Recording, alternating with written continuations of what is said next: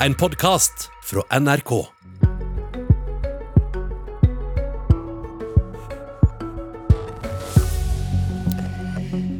På rød-grønn side har partiene hver sine regjeringsalternativ. Det er to statsministerkandidater og ingen felles erklæring om hva politikk landet kan få dersom flertallet snur. Likevel er det ingen som maser om rød-grønt kaos.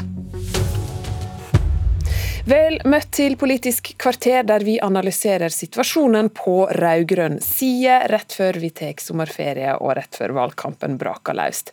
Og vi gjør det ved å stille to hovedspørsmål. Hvordan ser det nå ut for Arbeiderpartileder Jonas Gahr Støre, og hva slags horisont er det egentlig Trygve Slagsvold Vedum har festa blikket mot? God morgen, Magnus Takvam, politisk kommentator her i NRK. God. Og god morgen til deg, Tone Sofie Aglen fra VG. Og så har vi med oss Snorre Valen, politisk redaktør i Nidaros, på linje fra Trondheim.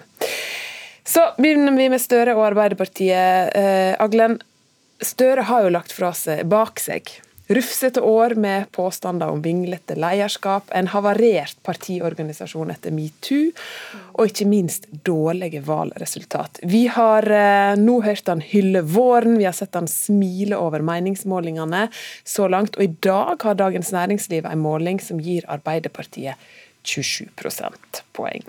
27 Hvor god kontroll har han nå over partiet og veien til valgsiger?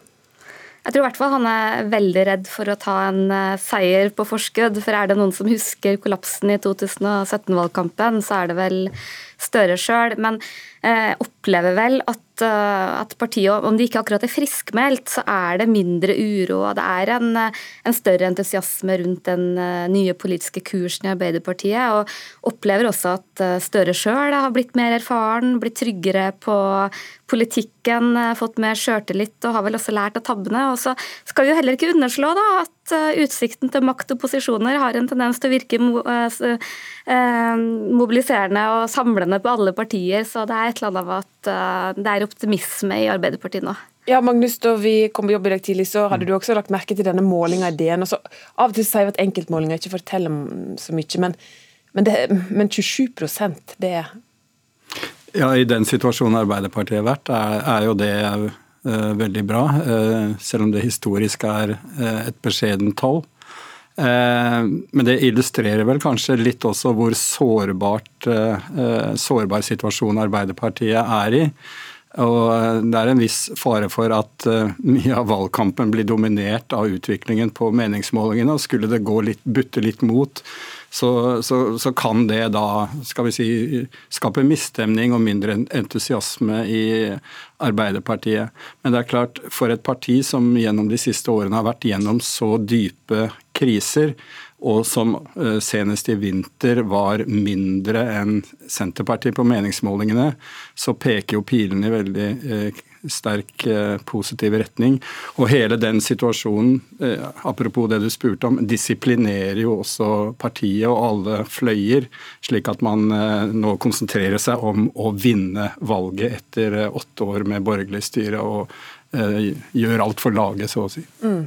Og Snorre Valen, dette slagordet til Arbeiderpartiet, nå er det vanlige folk sin tur. Det har vi iallfall eh, begynt å bli vant til å høre. Er det et godt utgangspunkt for en god valgkamp?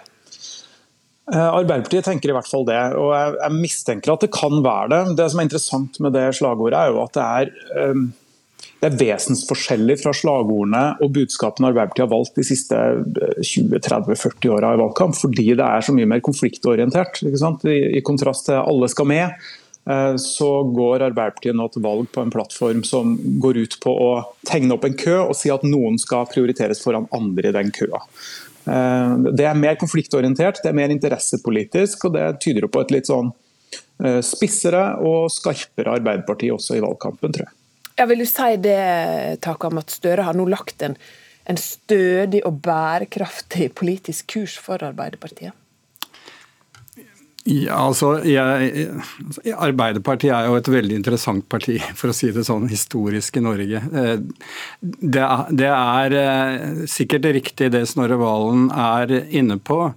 Eh, men samtidig, så hvis vi husker tilbake til da partiet utformet det nåværende programmet og liksom kom med de første forslagene, så var det en kjempejobb internt med å samle Eh, de motstridende fløyene i partiet, særlig kanskje om klima, miljø, oljepolitikk osv. Og, og de greide faktisk å få en enstemmig eh, plattform på det. Men det er klart at det, det er en underliggende konflikt der som, som man på en måte ikke har tryllet bort og som er kanskje Arbeiderpartiets eh, utfordring i det store bildet. Nemlig denne, dette skisma mellom det tradisjonelle, det moderne, det grønne og industriinteressene. Og Det ligger som en undertekst, men det er nettopp der Arbeiderpartiet har greid å samle seg nå før valget, og har denne brodden eh, mot en borgerlig regjering og, og, og rendyrker den klassiske liksom, interesseprofilen til partiet. Og Apropos brodd mot de borgerlige regjeringa, Glenn. Altså, lenge har statsminister Erna Solberg høsta stor tillit, og noen vil også kanskje si politisk gevinst for pandemihåndteringa. I vinter prøvde opposisjonen seg på å utfordre smittevern og, og sånne ting. Funka ikke så veldig bra. Er dette nå i ferd med å snu? Altså Er pandemien i ferd med å bli et, eh, et godt kort for Støre?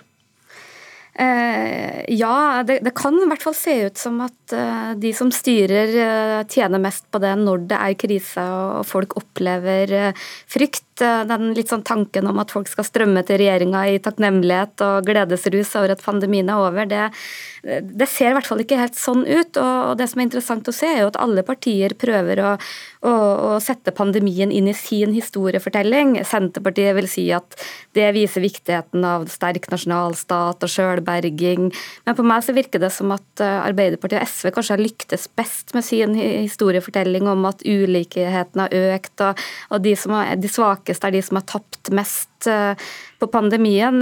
Samtidig så er det også et annet Eh, skisma der, hvor eh, man kan si at de som har jobba i offentlig sektor, har hatt trygge jobber, kanskje slitsomme jobber, men trygge, mens det er privat sektor hvor du har hatt arbeidsledighet og, og folk har kanskje mista livsverket sitt. Men, men, det har liksom ikke høyresida lyktes like godt med å, å selge ut. da. Mm, Valen? Ja, det er interessant det Aglen er inne på her. Altså, jeg sitter jo nå i en region med lavest arbeidsløshet i Europa. Sånn at Folks kriseforståelse og hvordan den slår inn i valgkampen er liksom åpen bok for min del. For På den ene side så er det jo ikke tvil om at det Tone Sofie Aglen sier er riktig. ikke sant? Altså mens, mens, offentlig sektor har jobba hardt, men, men, vært veldig trygg, så har mange i privat sektor slitt veldig. Samtidig så, så er jeg i tvil om det er sånn i august og september at folk først og fremst kjenner på at vi er utrygge, vi er i krise, eller om de virkelig virkelig er sultne på å komme seg videre og heller tiltrekkes av det partiet eller, eller den bevegelsen eller den retninga som, som, tydeligst peker på, på framtida. Mm. Uh, og sånn sett så tror jeg òg at pandemihåndtering kan være ikke et problem for regjeringa, men, men, kanskje ikke gi den gevinsten som Erna Solberg hadde håpa lenge på. Da. Mm. Fordi folk er slitne og lei og, og, helst ikke vil snakke mer om korona. Og så eh, kort om MDG og Rødt vaka rundt sperregrensa. Rødt er kanskje det som har vært sikrest over i det siste. Er, det som, er dette to partier som Støre på noe vis frykter? Takvann? Altså, det er klart at eh, Teoretisk sett, hvis eh, et eh, av de partiene kommer på vippen etter, rødgrøn, etter et rød-grønt flertall, så er det en utfordring for, for, for Støre. Eh, men samtidig så, så trenger han f.eks. rødt over sperregrensa. Det er, det er liksom en dobbelthet eh, ute og går her. Og eh, målingene tilsier jo Det er veldig få målinger som, som gir de to partiene den, den vippeposisjonen. Så i hvert fall er ikke men det er jo åpenbart et angrepspunkt fra høyresiden nettopp å peke på den avhengigheten. Og det ligger også under veldig mye av Senterpartiets skepsis mot å ha en flertallsregjering med SV osv. Så, videre. så Så det er et moment, men jeg føler at ikke det er det mest eh, akutte for, for Støre og Arbeiderpartiet nå. Okay. Eh, når vi skal begynne å snakke om hva Støre kan frykte, så er det kanskje litt å ta litt hardt i hvis vi nevner Trygve Slagsvold Vedum som det viktigste. Men vi får se litt på Senterpartiet også. Vedum starta med en kaffekopp og et parti som lå på 4-5% og han overtok i 2014. Snittet nå, sju år senere, er mellom 17 og 18% Er det i det hele tatt noe som kan skjære seg for Vedum de neste månedene, Magnus? Det er selvfølgelig den sammensatte velgeroppslutningen han har hatt, altså fra så ulike velgergrupper, både Høyre, Frp og for så vidt Arbeiderpartiet, når man er blitt så store på såpass, såpass kort tid. Um, så det, det, er det momentumet man teoretisk kan, kan frykte glipper. Men samtidig så har han greid å bygge opp dette såpass solid at, at, jeg er overbevist om at Senterpartiet kommer til å gjøre et godt valg. I denne siste målingen i dag som du refererte til, så er det mulig at Arbeiderpartiet vinner litt tilbake av de som har gått til Senterpartiet fra Arbeiderpartiet. Så, og, og det, det, endrer jo ikke på en måte stillingen internt mellom blokkene. Så, men det er klart, de risikerer å få et voldsomt kjør mot seg også, fordi de så langt ikke har verken fortalt nøyaktig om hva de vil gjøre, og heller ikke om dette samarbeidstemaet som, som eh, forfølger dem hele tiden. Og nettopp det, Snorre Valen, hvor er Senterpartiet egentlig på vei? Så sa du til meg i går at eh, vi må, vi må slutte å dele politikken så veldig i to mellom rød-grønn side og borgerlig side. Når Senterpartiet nå er blitt så store, så kan alt skje, med tanke på budsjettsamarbeid også etter eh, valget. Hvis vi nå får et, eh, et rød-grønt flertall og, og Arbeiderpartiet og Senterpartiet danner regjering. Hva ser du for deg?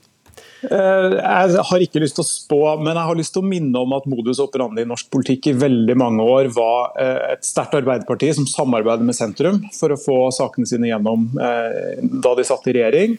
Men også sentrumspartiet som ofte samarbeider med borgerlig side, Senterpartiet inkludert.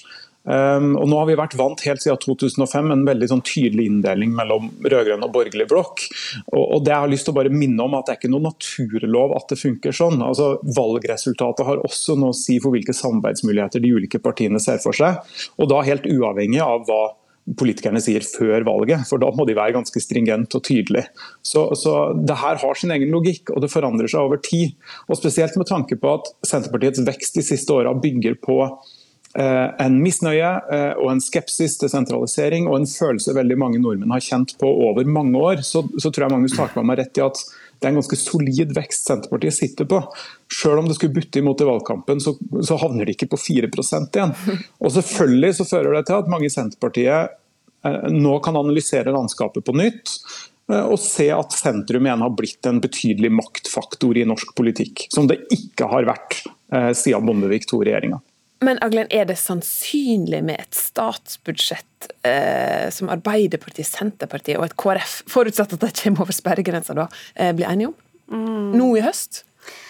Nei, jeg, jeg har liksom vanskelig for å se for meg det på kort sikt. I hvert fall ikke når det gjelder Venstre. Hva som skjer med KrF er jo vanskelig å spå. Men eh, jeg tror nok eh, i all hovedsak at man vil eh, innordne seg mot en slags rød-grønn enighet. Men, men, men, det er utfordrende med den nye Senterparti-strategien. for I den økonomiske politikken og mange sånne store struktursaker så er de helt åpenbart uh, enig med venstresida i mye. Men, men uh, mange verdisaker, synet på avgifter, uh, mye sånn identitetspolitikken har de orientert seg helt annerledes. så Jeg tror nok at de opplever at det er ganske definerende, og, og hvorfor Senterpartiet ikke lenger føler seg hjemme i liksom, det her rød-grønne familien. Så til dette statsministerkandidaturet, eh, som har blitt tolka som en mulighet for å signalisere for borgerlige velgere at han demmer opp for eh, SV og venstresida. Det kan være et forhandlingskort i regjeringsforhandlinger. Men utover det, hva skal han bruke dette til, Magnus? Og, altså, kan eh, Vedum bli statsminister? Det mener jeg er ganske usannsynlig, sånn som rett og slett fordi matematikken tilsier at det ikke skjer. Og han har heller ikke flertall blant partiene på rød-grønn side heller. Eh, altså De øvrige eh, partiene vil ha Jonas Gahr Støre i så fall. Men det, det, er mange ting å si om det. Jeg tror en konklusjon er at det er et, et uttrykk for at Senterpartiet nå uh, forsøker å være et breiere folkeparti og gå vekk fra det inntrykket de aller fleste har kanskje av Senterpartiet som et særinteresseparti. Og at det er uh, det som ligger under uh, Bl.a. nomineringen av han som statsministerkandidat. Og så gir det partiet en plattform eh, i valgkampen der de, der de kanskje er litt redde for å forsvinne i en sånn statsministerduell. Mm. Tusen takk skal det ha, Magnus Takvam, Tone Sofie Aglen og Snorre Valen. Politisk kvarter går nå inn i sommerferiemodus, men det blir Politiske sommerkvarter, intervju med spennende stortingskandidater utover hele sommeren. Mitt navn er Ingunn Solheim. Du har hørt en podkast fra NRK. Hør flere podkaster og din favorittkanal i appen NRK Radio.